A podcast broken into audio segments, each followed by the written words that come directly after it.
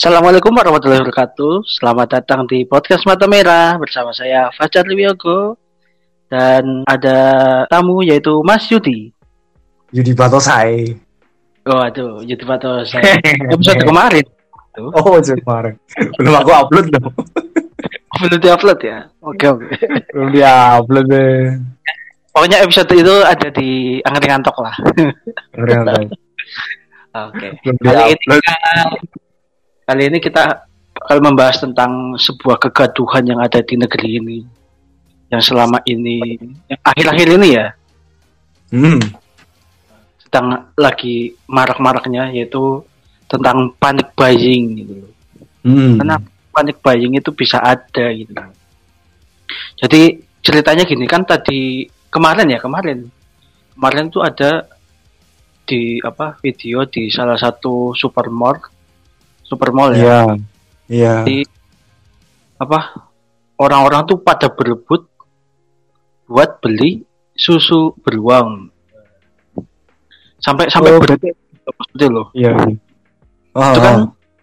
itu kan salah satu panic buying ya maksudnya nah tadi pagi ini yang terbaru nih tadi pagi tadi pagi di Depok Mm-mm. itu pada panic buying beli kelapa muda itu sampai 50.000 ribu padahal di sini Oh. tuh kelapa muda itu paling satunya berapa ya 8.000 paling Iya, iya. itu panik buying gitu.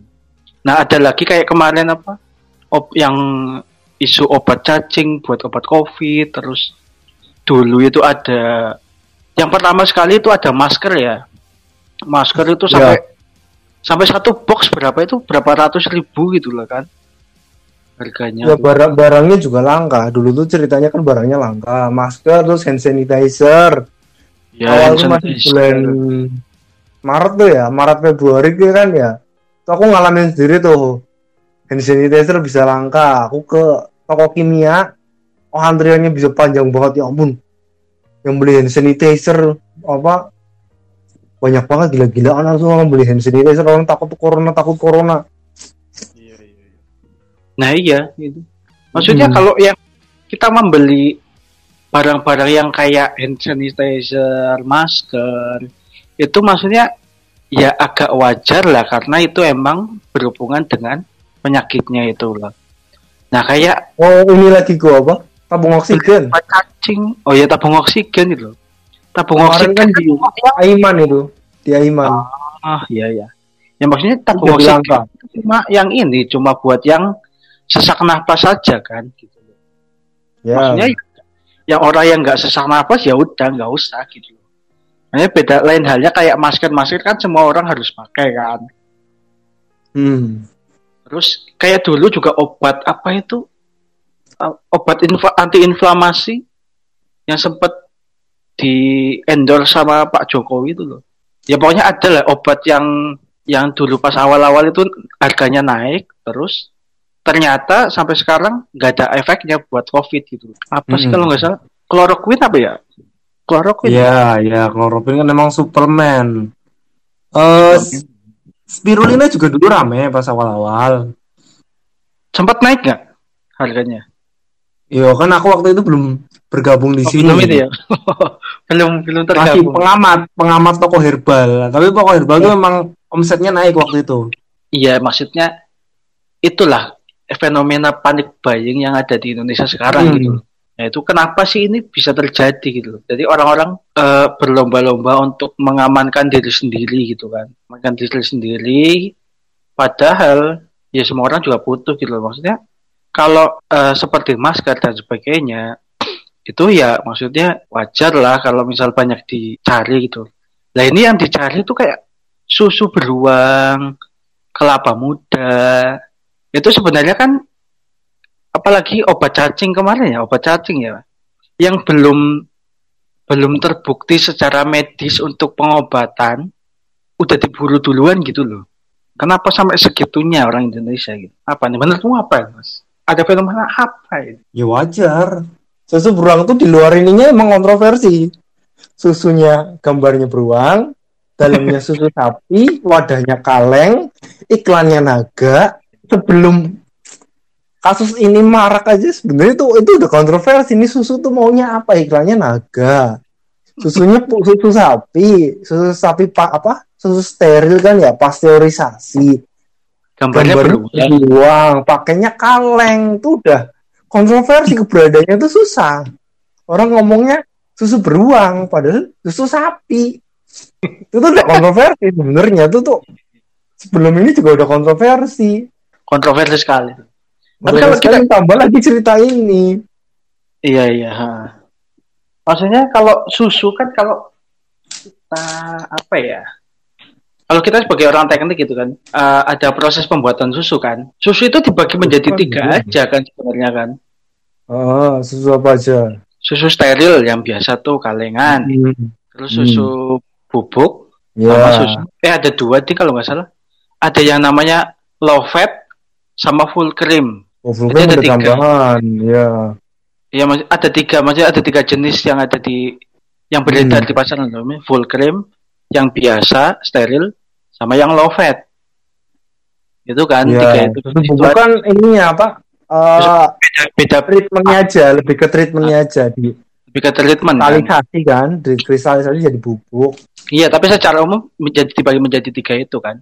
Nah, hmm. tiga-tiganya itu ya kandungannya ya sama aja sebenarnya kan sama aja sama, aja sama aja antara misal susu steril biasa merek satu dengan merek lainnya ya sama aja kandungannya gitu loh. Mm -hmm.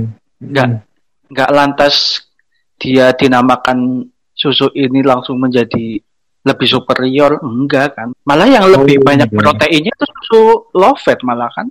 Ya. Sama satu lagi susu skim. Susu skim ya susu skim kan nggak ada rasanya susu skim.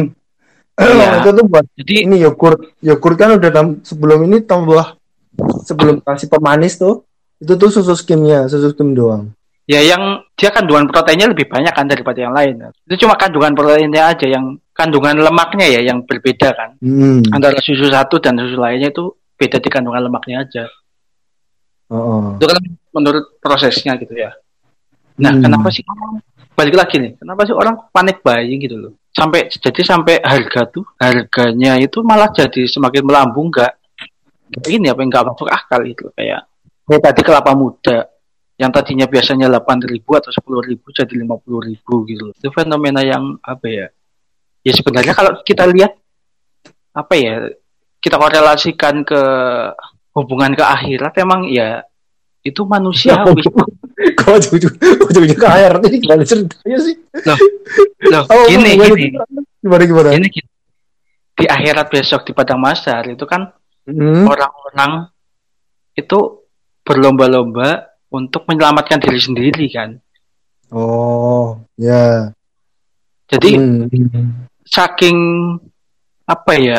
Saking ininya mereka enggak nggak hmm. aware sama yang lain bahkan keluarganya pun nggak nggak diurusin mereka ngurusin diri sendiri dulu kan ya ya kalau di akhirat besok gitu ya itu emang ya cerminan cerminan ke depannya kayak gitu sih emang untuk manusia ya. Naluri hmm. alamnya gitu loh.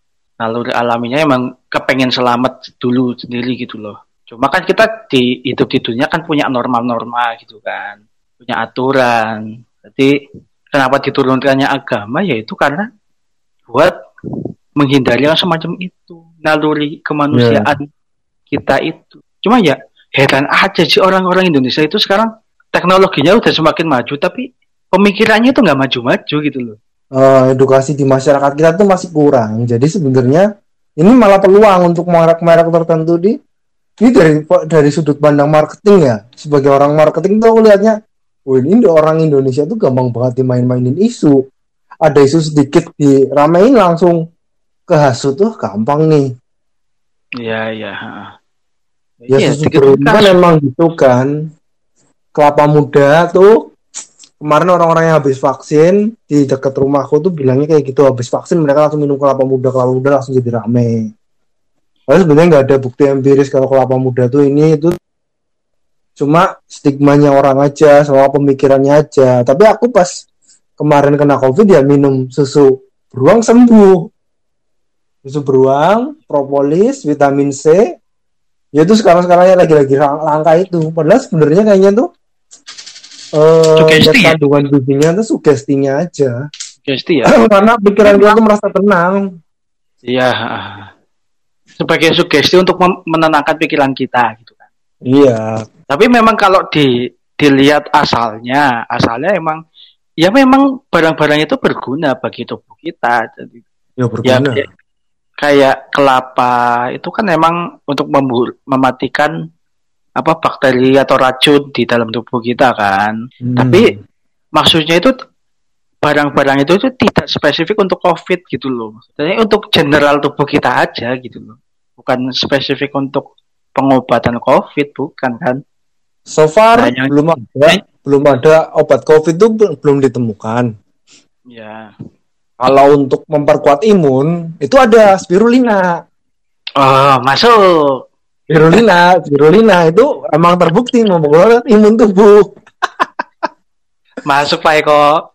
Kopi juga dan kopi itu kopi juga bisa. Apalagi kopinya dari kopi tit podcast Ya, kali ini kan emang- disponsori oleh Lina spirulina spirulina dan kopi tit nggak apaan emang nggak ada spesifiknya tuh nggak ada. Coba ya iya. Untuk- menjaga kesehatan sama memperkuat imun tubuh tuh ada emang ya makanan-makanan bergizi tinggi juga kan banyak. Cuma ya nggak usah sampai sepanik itu loh. Oksigen jadi langka. Orang yang tuh oksigen tuh yang kemarin aku nonton yang di Aiman tuh yang di Kompas TV tuh.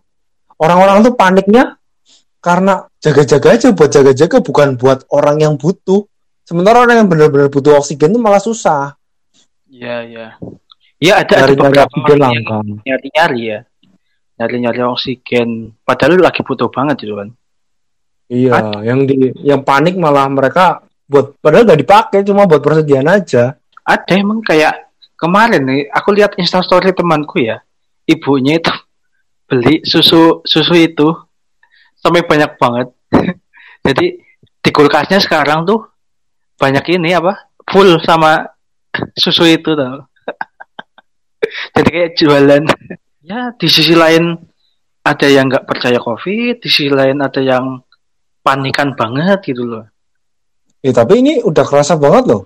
Eh setelah aku kemarin sekeluarga kena covid ya kan, udah mulai sepi lagi kan, no? Desember kan udah menggila lumayan lumayan menghilang terus kan. Ini varian delta tuh masuk ya, varian delta masuk Hmm. nih. Beberapa orang tetanggaku tuh udah ada yang kena sampai meninggal sekarang. Kalau kemarin-kemarin kan cuma kena-kena aja ya. Ini ternyata beneran beneran serem ya. Meninggal udah udah nenek nenek berarti hitungannya budenya ibuku tuh meninggal juga. Awal-awalnya katanya habis ngelayat, habis ngelayat terus badannya nggak enak nggak enak nggak enak nggak enak. Terus akhirnya meninggal. Terus ada lagi tetanggaku lagi hitungnya masih bulik bulikku lah. Bulik tapi agak kerabat agak jauh. Itu meninggal juga. Ya itu udah mulai kelihatan banget sekarang kalau di lingkungan-lingkungan dekat rumahku. udah mulai panik ya maksudnya Ya paniknya bukan karena panik nggak ada, karena panik beneran ada. Ini yang di Surabaya nih, kayaknya hampir tiap hari masih itu ada pengumuman. Ada, ada, ada. Di tempatku juga se seminggu tuh tiga kali ada kayaknya. Seminggu. Lebih sering daripada biasanya kan, biasanya paling berapa hari Iya, sekali ini kan. Oh ya aku ingat-ingat, loh kok masih itu ada pengumuman lagi, nilai nilai lagi, kayak kan kan kerasa banget kan. Iya, iya, iya. Jadi kan nyata, udah nggak nggak bukan bukan saatnya untuk nggak percaya. tidak dipungkiri juga banyak yang eh, masih merasa itu tuh masih konspirasi gitu loh. Tipu daya dajjal lah, apalah gitu loh. Maksudnya tuh kalau nggak percaya ya nggak masalah, cuma jangan jangan melanggar protokol kesehatan juga gitu. Jangan menghasut orang untuk eh, apa? Meninggalkan protokol kesehatan dan mengabaikan semua gitu maksudnya. Ya cukup disimpan aja gitu. Nah, yang jadi masalah kan ketika dia posisinya pemuka orang yang terpandang gitu loh yang di dihargain apa pendapatnya itu yang membuat gaduh masyarakat ya termasuk kayak kebijakan pemerintah juga sih yang bikin jadi semakin orang tuh semakin nggak percaya juga gitu. Bisa dilihat dari kebijakannya gitu. Kayak kemarin apa TKA Cina masuk lagi. Varian baru masuk lagi ntar. Ntar yang disalahin rakyat Hmm. lagi serba salah gitu kan. Kita nggak ngapa- kita nggak ngapa-ngapain. Makanya kita ibaratnya kita itu nggak ngapa-ngapain ya di rumah aja tahu-tahu disalahin kan. Kan kesel juga gitu. Eh, beberapa ahli menyatakan ya eh, ini penyebarannya masif tuh bukan karena coba karena kemarin banyak yang apa eh, pengen mudik pas lebaran kemarin ya. Itu tuh nggak ngaruh katanya. Itu karena ngaruhnya karena ada varian baru yang datang. Iya dari luar kan maksudnya. Oh, bukan dari Jadi dalam bukan bukan masalah karena kita nggak menolak mudik orang di Indonesia di Indonesia aja ya virusnya itu itu aja nggak bakal. Malah logikanya itu kan orang makin kebal ya udah kenal virusnya nggak kenal lagi nih mestinya nih. Kecuali virusnya berevolusi virusnya bermutasi kan Iya. bener kan? Oh virusnya udah bermutasi varian baru lagi kan tubuh nggak kenalin. Kalau varian lama kan tubuh udah kenal oh ini udah pernah nih udah pernah ke sini nih kan diusir langsung. Ya kayak kemarin lah Cilacap di Cilacap aja nih kemarin ada Hmm. ini apa Cilacap itu beli beli gula gula rafinasi dari India Hmm, ya hmm, otomatis otomatis virusnya juga juga ikut ke ikut terangkut kan maksudnya Hmm. nah, nah itu menyebabkan rumah sakit di lockdown satu minggu Oh. Nah, itu kan- artinya kan ya kalau selama selama ini kan orang Indonesia ya biasa aja gitu maksudnya kalau perbatasan kita ditutup ya intinya nggak ada orang yang orang luar yang masuk ya ini virusnya itu seles bakal cepat selesai gitu loh. Yang jadi masalah kan ketika orang luar masuk ke dalam menimbulkan Hmm. ada varian apa varian apa apa apa gitu loh. Nah yang disalahin rakyat lagi dibilang ya iyalah apalah. Padahal kebijakan pemerintahnya aja kayak gitu. Maksudnya kan kita sebagai rakyat kan ya kita nggak punya apa-apa selain punya masker sama hand sanitizer gitu loh kita nggak bisa nggak bisa nutup bandara nggak bisa nutup perbatasan gitu loh kan yang punya itu semua kan pemerintah wah ini bahaya nggak ya tahu kita hilang Aku kan pakai nama panggung, nggak bisa kelacak aku. Jadi atau saya. Oke. Oke, mungkin karena sudah lumayan nih. Pembata- pembahasan kita juga se- sepertinya sudah cukup. Mari Ya, kita cukup. cukupkan saja. Oke. Oke siap. Saya see you next time. Sampai jumpa. Jangan lupa minum kopi sama minum spirulina. Masuk lagi. Oke. Eh, oh, kan ada yang ini kan pesan-pesan. Jangan lupa minum kopi. Jangan panik ini- buying. Jadi smart buying. Ada adlib ya berarti ya. Oh, adlib, adlib, adlib, adlib. Oke. Jangan lupa minum kopi. Siap. Oke, sekian episode kali ini. Sampai jumpa untuk podcast selanjutnya. Wassalamualaikum warahmatullahi wabarakatuh.